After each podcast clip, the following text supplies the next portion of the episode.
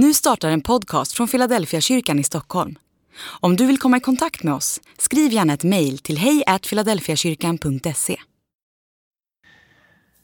Varmt välkommen till Philadelphia Bibel. Om det är den första bibelskolan du tittar på, Philadelphia Bibel du tittar på, så finns det en tidigare. Du hittar den på vår Youtube-kanal, Philadelphia kyrkans Youtube-kanal.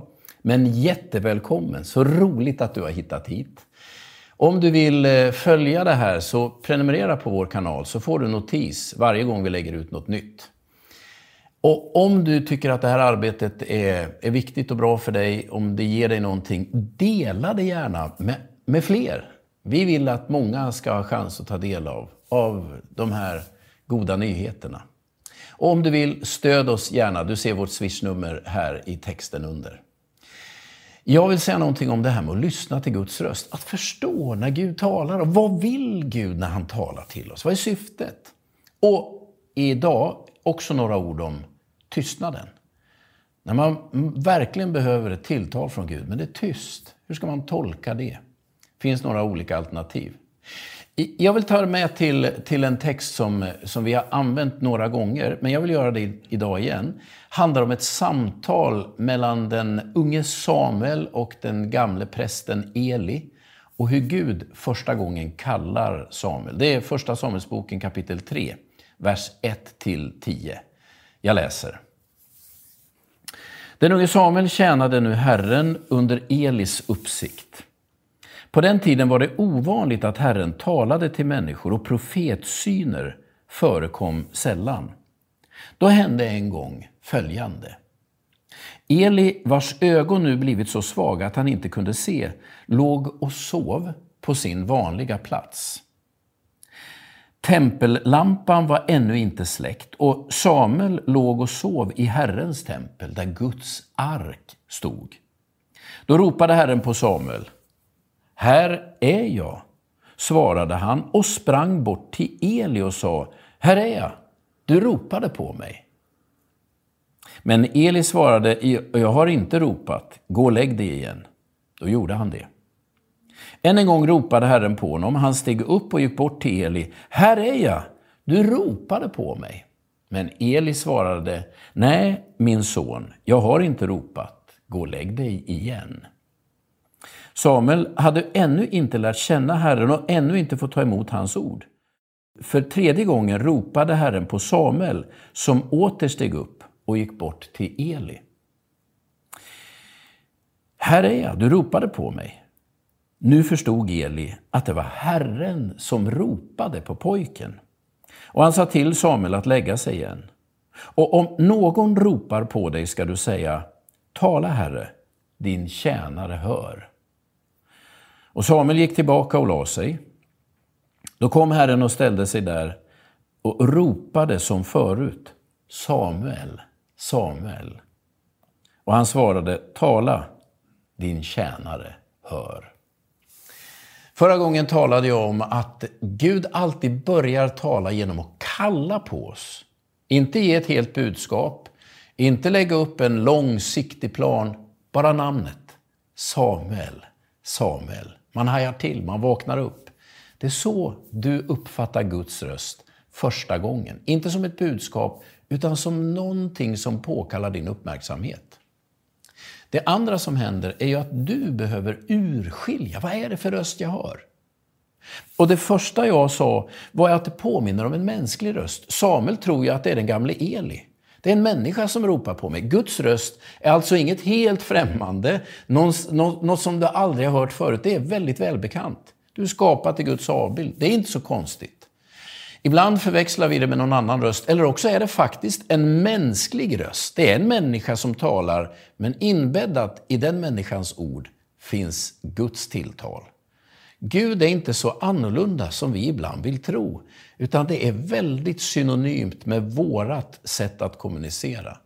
Ibland kanske till och med är din egen tanke. Är det här min tanke eller var kommer den ifrån? När du har fått ett infall, börjar tänka på en människa, eller någonting kommer för dig. Tänk, våga tänk tanken att det är Gud som kanske kallar på dig. Det gör ju också ditt liv så mycket mer betydelsefullt. Våga tro att Gud vill använda dig, tala till dig. Och sen sa jag, citerade Paulus som talar om att å ena sidan arbeta med fruktan och bävan på sin frälsning och å andra sidan vila i vissheten om att Gud förverkligar sin vilja genom min vilja och mina gärningar. De där två ska man hålla ihop. Att å ena sidan arbeta på respekten för Gud, någon sorts lyhördhet, en önskan att höra och tjäna. Å andra sidan våga tro att Gud arbetar genom dig, inte mot dig, utan med dig. Och min tredje poäng när det handlar om att urskilja Guds röst var ju att det var den gamle Eli som hjälpte Samuel att fatta. Vi behöver varandra för att kunna urskilja Guds röst. Idag vill jag säga någonting om syftet med att Gud talar. Vad är, vad är ärendet? Och så ska jag säga någonting om Guds tystnad. När Gud inget säger, det är smärtsamt, men det finns också ett budskap i tystnaden. Vad är syftet med Guds tilltal? Några av er eh, tänker säkert på Gamla Testamentets profeter som kom med budskap tydligt ifrån Gud, talade rakt ifrån himlen in i människors liv. Men då ska du komma ihåg att Gamla Testamentets profeter, nästan alla utan undantag, dyker upp av ett och samma skäl. Folk har nämligen slutat lyssna efter Gud och söka hans ledning och börjat gå andra vägar. Det är som att de här profetrösterna är en sista utväg. Nu talar Gud tydligt och klart genom en människa. Men Guds intention är inte att behöva skriva med eld på väggen eller bland molnen eller tala direkt så att du ska höra Guds intention. Guds syfte är att du ska känna hans röst, urskilja hans vilja och själv veta. Det är det här Gud avser. Jag ska ge dig två bibelord. Det första finns i psalm 32. Psalm 32 och så vers 8 och vers 9. Lyssna på det här. Jag vill ge dig insikt och lära dig den väg du ska gå. Jag vill ge dig råd. Min blick ska följa dig. Var inte som en häst eller en mula utan förstånd. Med tygel och bets, betsel måste de tämjas. Vad, vad är det salmisten säger? Vad säger Guds ord? Jo, men det är som att Gud säger, jag vill lära dig så att du själv vet och kan förstå vilken väg jag ska gå. Var inte som en mulåsna. Och nu ska man inte tala nedsättande om djur och det vill jag absolut inte göra. Men det, det den här texten säger det är att de djuren styrs ju hela tiden genom yttre impulser. Finns inte i dem utan det är med betsel man styr. Jag tror man kan tala om att en del människor har en sorts mulåsneteologi. Du går och tänker att nej, jag vet inte, jag kan inte, utan Gud måste dra i tåtarna. Ungefär som att vi vore någon sorts dockor som Gud hela tiden styr med trådar.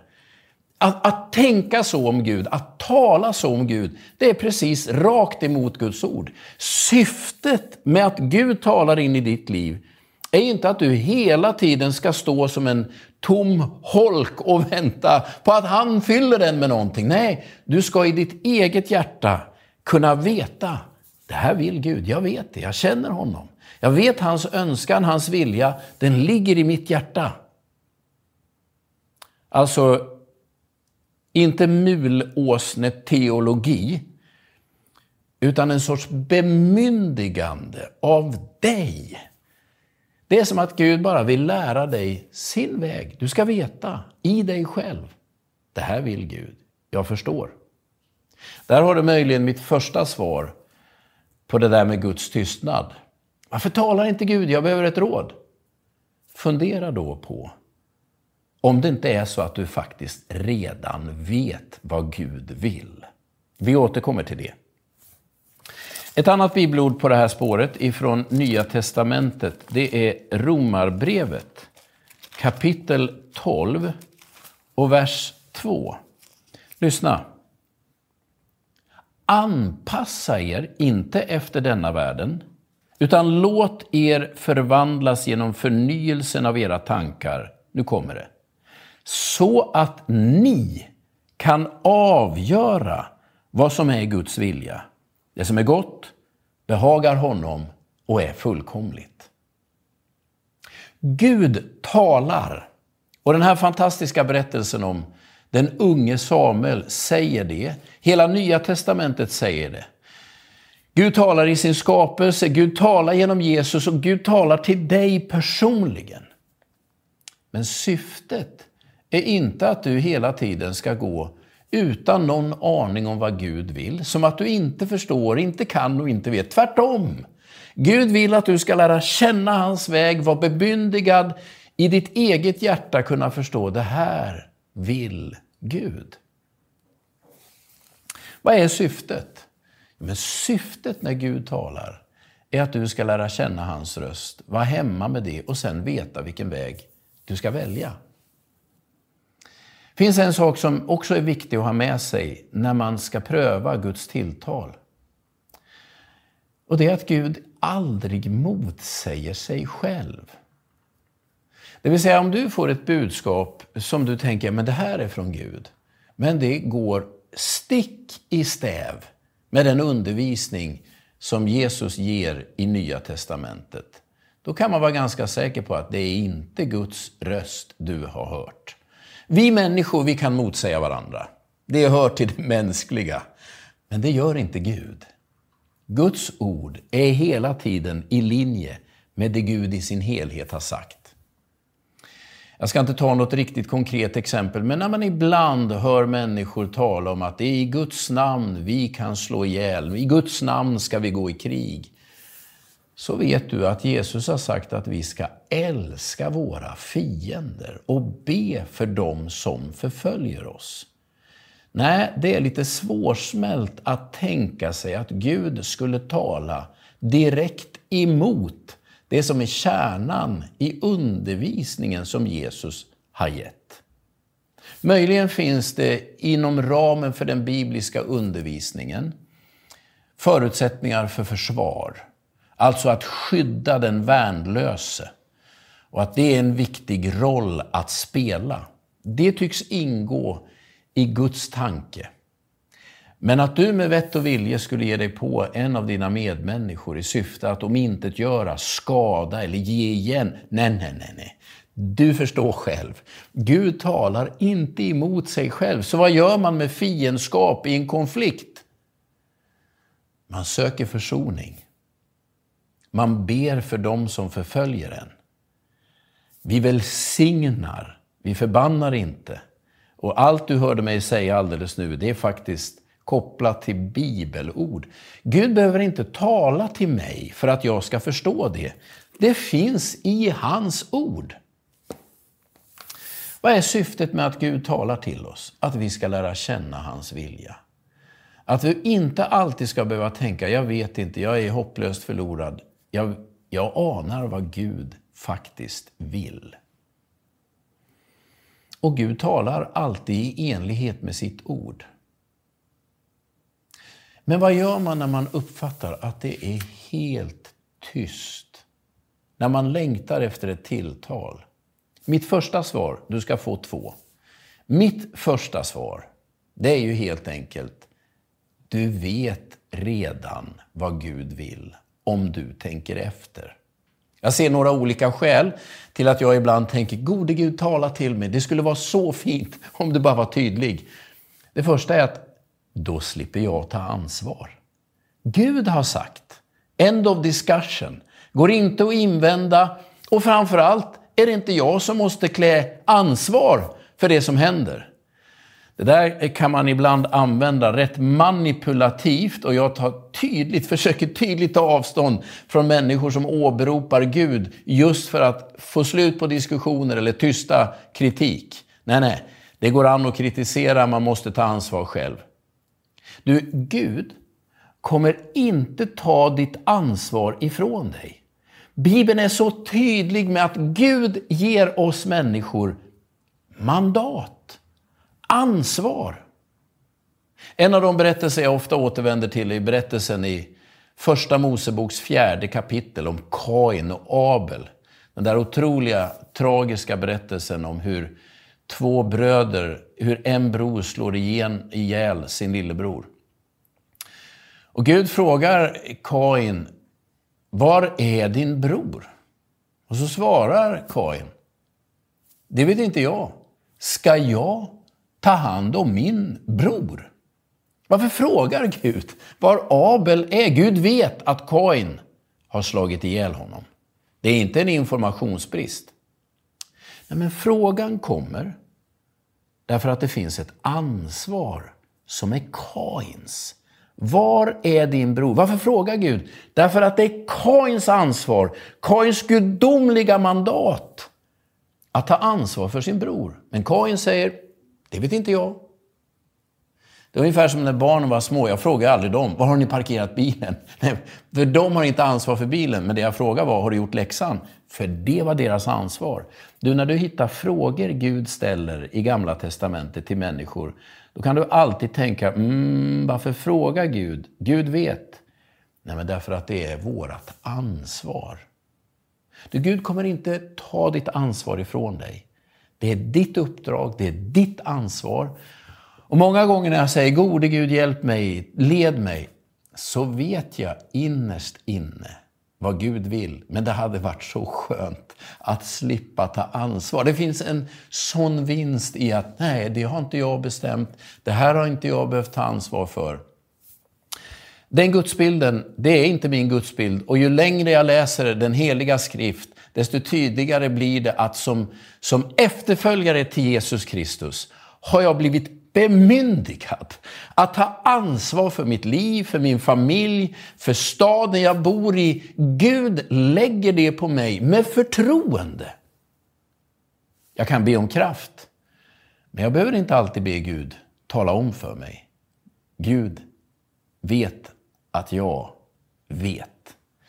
När du frågar, gode Gud, ge mig vägledning, fundera ett varv till. Är det så att du faktiskt redan vet? Det är bara det, det är så jobbigt att behöva göra det. En sak till på det här med Guds tystnad som, som eh, vi gjorde med våra barn när de var små. Jag tror att alla föräldrar har gjort det här med sina barn. Jag vet inte riktigt varför, men det verkar vara en ganska universell lek som föräldrar gör i ett visst skede av barnens liv. Jag tror att ni känner igen det när, när jag visar. Titt ut. Titt ut.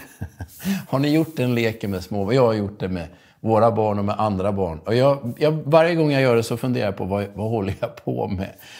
Så för några år sedan läste jag en förklaring, en sån här psykologisk förklaring till varför vi faktiskt gör det här med våra barn. Det är ett visst skede i livet som barnen bara behöver lära sig att vi finns fast vi inte syns.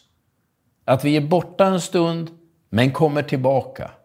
Om det nu börjar med den enkla titutleken så blir det avståndet större och större. Varför? Därför att barn behöver lära sig att lita på att mina föräldrar finns fast de inte syns. Fundera på om det också är ett möjligt svar i din situation. Att Gud är tyst fastän du söker hans närvaro. Kan det bero på att Gud egentligen vill att du bara ska lita på hans löften? Gud har talat, känn ingen oro. Tro på Gud och tro på mig. I min faders hus finns många rum. Jesus säger ju gång på gång, känn ingen oro. Varje gång en ängel kommer den säger den, var inte rädd. Det vill säga, lita på Gud. Jag hör ingenting just nu, jag vet inte hur det ska gå framåt. Men jag litar på dig, Gud. Jag ser inte, jag vet inte, men jag litar. Jag tror att det också skulle kunna vara ett svar. Gud är tyst. Därför att du behöver öva dig i tillit. Jag har ett tredje svar. Jag sa två, men här kommer det tredje. Som jag också vill skicka med. Och det är mer allvarsamt. I Jesaja kapitel 59 står det så här.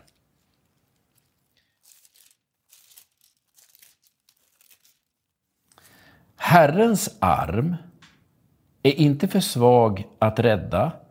Hans öra är inte för dövt för att höra.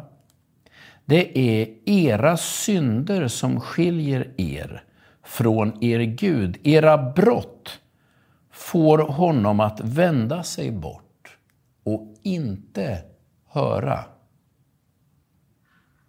Bara stanna upp en liten stund. Först skulle jag säga till dig, du som hör det här, som tänker, oh Gud är tyst för jag är en stor syndare. Det är jag inte helt säker på faktiskt. Jag tror inte Jesaja talar om att du hade ett dåligt humör i morse och snäste när den du lever med frågade om det var någonting och du inte ville kommentera. Nej, nej, nej, nej. Det, det Jesaja talar om, det är betydligt mycket mer allvarsamt handlar inte heller om att du uttryckte dig olyckligt eller var lite självisk. Ni vet, ibland är vi kanske för känsliga i våra samveten. Nej, jag tror att det här ska ses som en betydligt eh, större allvarsgrad. Det vill säga, när man på något sätt parkerar sig själv i bitterhet och menar sig ha rätt. Jag har rätt att faktiskt vara genuint otrevlig mot andra människor, inte bara en gång, jämt. Det är, det är helt okej okay med den hållningen. Nej, det är inte okej. Okay. Eller den där familjekonflikten som du vet att du själv är en del av. Du är inte den enda delen, men du själv är en del av den. Och jag tänker sannerligen inte be om förlåtelse. Varför ska jag ta första steget? Varför måste jag gå den där extra milen? Mitt svar är därför att Jesus kallar dig till det. Ibland är Gud tyst. Därför att synden har fått första platsen i våra liv. Det är det här Jesus talar om, det är bergspredikan. Jag ska inte slå upp det och läsa det. Men han säger så här, om du kommer med din offergåva, han talar om den judiska gudstjänstgemenskapen. Men om du kommer med din offergåva och så kommer du på, när du ska tillbe Gud, att det är någon som har något emot mig. Då säger han, gå först och gör upp med din meningsmotståndare och kom sen med din gåva till Gud. Ibland kan man fundera på varför är synden allvarlig? Vad är, det, vad är den stora skadan? Jag skulle säga det är som att hela relationen till Gud bara stannar av. Himlen blir tyst. Guds frånvaro ekar i våra liv. Och nu vill jag säga igen, för jag vet att många av er som tittar ni är nog ett snäpp för känsliga. Nej, det här handlar inte om dåligt temperament eller att man råkar försäga sig. Och jag skulle säga till dig, du som sitter och lyssnar på det här och känner att jag har lite dåligt samvete. Det är ett gott tecken, för då är det här på väg åt rätt håll. Gud är inte småpetig. Han är liksom inte någon förskollärare som läxar upp en bara därför att penna och suddgummi ligger fel. Nej, Gud vet våra villkor. Men jag tror att ni alla vet att vid något eller några tillfällen i livet så har frestelsen funnits att liksom stanna kvar i en position som är destruktiv. Du vet det. Människor omkring dig vet det. Och du kanske har varit där en vecka eller två, men jag hoppas och ber att du då kom på, nej men här kan jag inte vara kvar, så här där kan jag inte fortsätta. Och så får man gå och göra upp med människor, man får be om förlåtelse, eller man får vända sig till Gud och bara be, gör något med mitt hjärta. Ibland är den där processen lång, men så länge vi är i den processen så är vi på rätt väg. Alltså Guds tystnad. Ett, ibland beror det på att ja, men du vet vad Gud vill. Du behöver inte diskutera, men du vill slippa ansvar. Skönt att inte behöva ikläda sig det. Det man kan skylla på Gud. Nej, nej, nej. Gud bemyndigar dig. Eller, Gud vill bara att du ska lära dig att lita på hans löften. Han har inte övergett dig. Var inte så orolig. Han kommer tids nog att öppna dörren, leda dig rätt. Vila i din tro. Den som väntar efter Herren, står det i Jesaja 40, får ny kraft. Varje gång jag läser det tänker jag, men det är det värsta, att vänta, det är tom, det är tom tid. Det är tid som stjäls från mig. Ändå säger han, så länge du väntar på Herren, då är det som att kraften genereras igen. Vänta på Herren. Tids nog kommer det där tilltalet du behöver. Och så mitt tredje och kanske mest allvarsamma skäl. Du har parkerat ditt liv i ett tillstånd som egentligen bara kan beskrivas med det där bibliska ordet synd. En konflikt som ruttnar någonstans i ditt eget inre och du vet att du borde ta initiativet. Jag vet att det är tufft, jag vet att det där är smärtsamt. Men det är vägen tillbaka till hälsa. Och det som händer enligt Bibeln när vi människor stannar i ett tillstånd av förljugenhet eller bitterhet eller tillåter oss att bli kvar där, det är att hela gudsrelationen står på paus. Det glada budskapet är, hur illa det än är, så handlar evangeliet om att din synd kan bli förlåten. Det är inte kört. Låt mig nu avsluta med att säga, när den unge Samuel hör Gud tala så vet han inte att det är Gud. Så han tror att det är Eli. Han får en chans, han får två chanser, han får tre chanser och fjärde gången, då fattar han och säger Tala Herre, din tjänare hör. Då ställer han sitt hjärta i någon sorts ödmjukt läge för att lyssna. Gud har talat till dig många gånger. Om du tänker, men jag har inte lyssnat, du får en chans till, en chans till, en chans till. Om du sitter där och tänker, Gud är tyst. Mm, det finns några olika möjligheter. Antingen vet du redan, eller också behöver du lära dig lita på Gud. Kanske är det så att det är något i ditt liv som faktiskt behöver justeras och rättas till. Allt det är fullt av hopp och möjligheter, men Gud är en talande Gud. Nu vill jag be tillsammans. Herre, jag tackar dig för ditt levande ord. För att vi får dela den här gemenskapen med varandra. Tack Herre för att du aldrig säger att det är kört. Det finns alltid en ny möjlighet. Herre, öppna vårt hjärta nu så att vi förstår, om vi lever i tystnad, att vi förstår vad den tystnaden beror på. Är det något som behöver justeras? Behöver jag bara leva i förtröstan? Eller är det så att jag faktiskt redan vet vad du vill? Herre, hjälp oss att urskilja din vägledning och din vilja. Vi ber i Jesu namn. Amen. En sak till vill jag säga, som jag inte är säker på om jag fick med inledningsvis. Är det nu så att ja, men jag har en massa frågor, skriv din fråga i chatten. Eh, vi kommer kanske inte kunna svara direkt nu, men skriv din fråga i den här chatten. Under veckan som kommer så ska vi försöka svara. Vi kanske inte svarar på allt, men de frågor vi kan vill vi försöka ta upp. Och i chatten kan ni faktiskt också chatta med varandra om det ni har hört. Och en del frågor och svar kommer vi att publicera på vår hemsida. Så missa inte att följa det som händer i chatten här under veckan som kommer. Om du gillar det här, dela det med andra. Glöm inte att prenumerera och vi ses nästa vecka.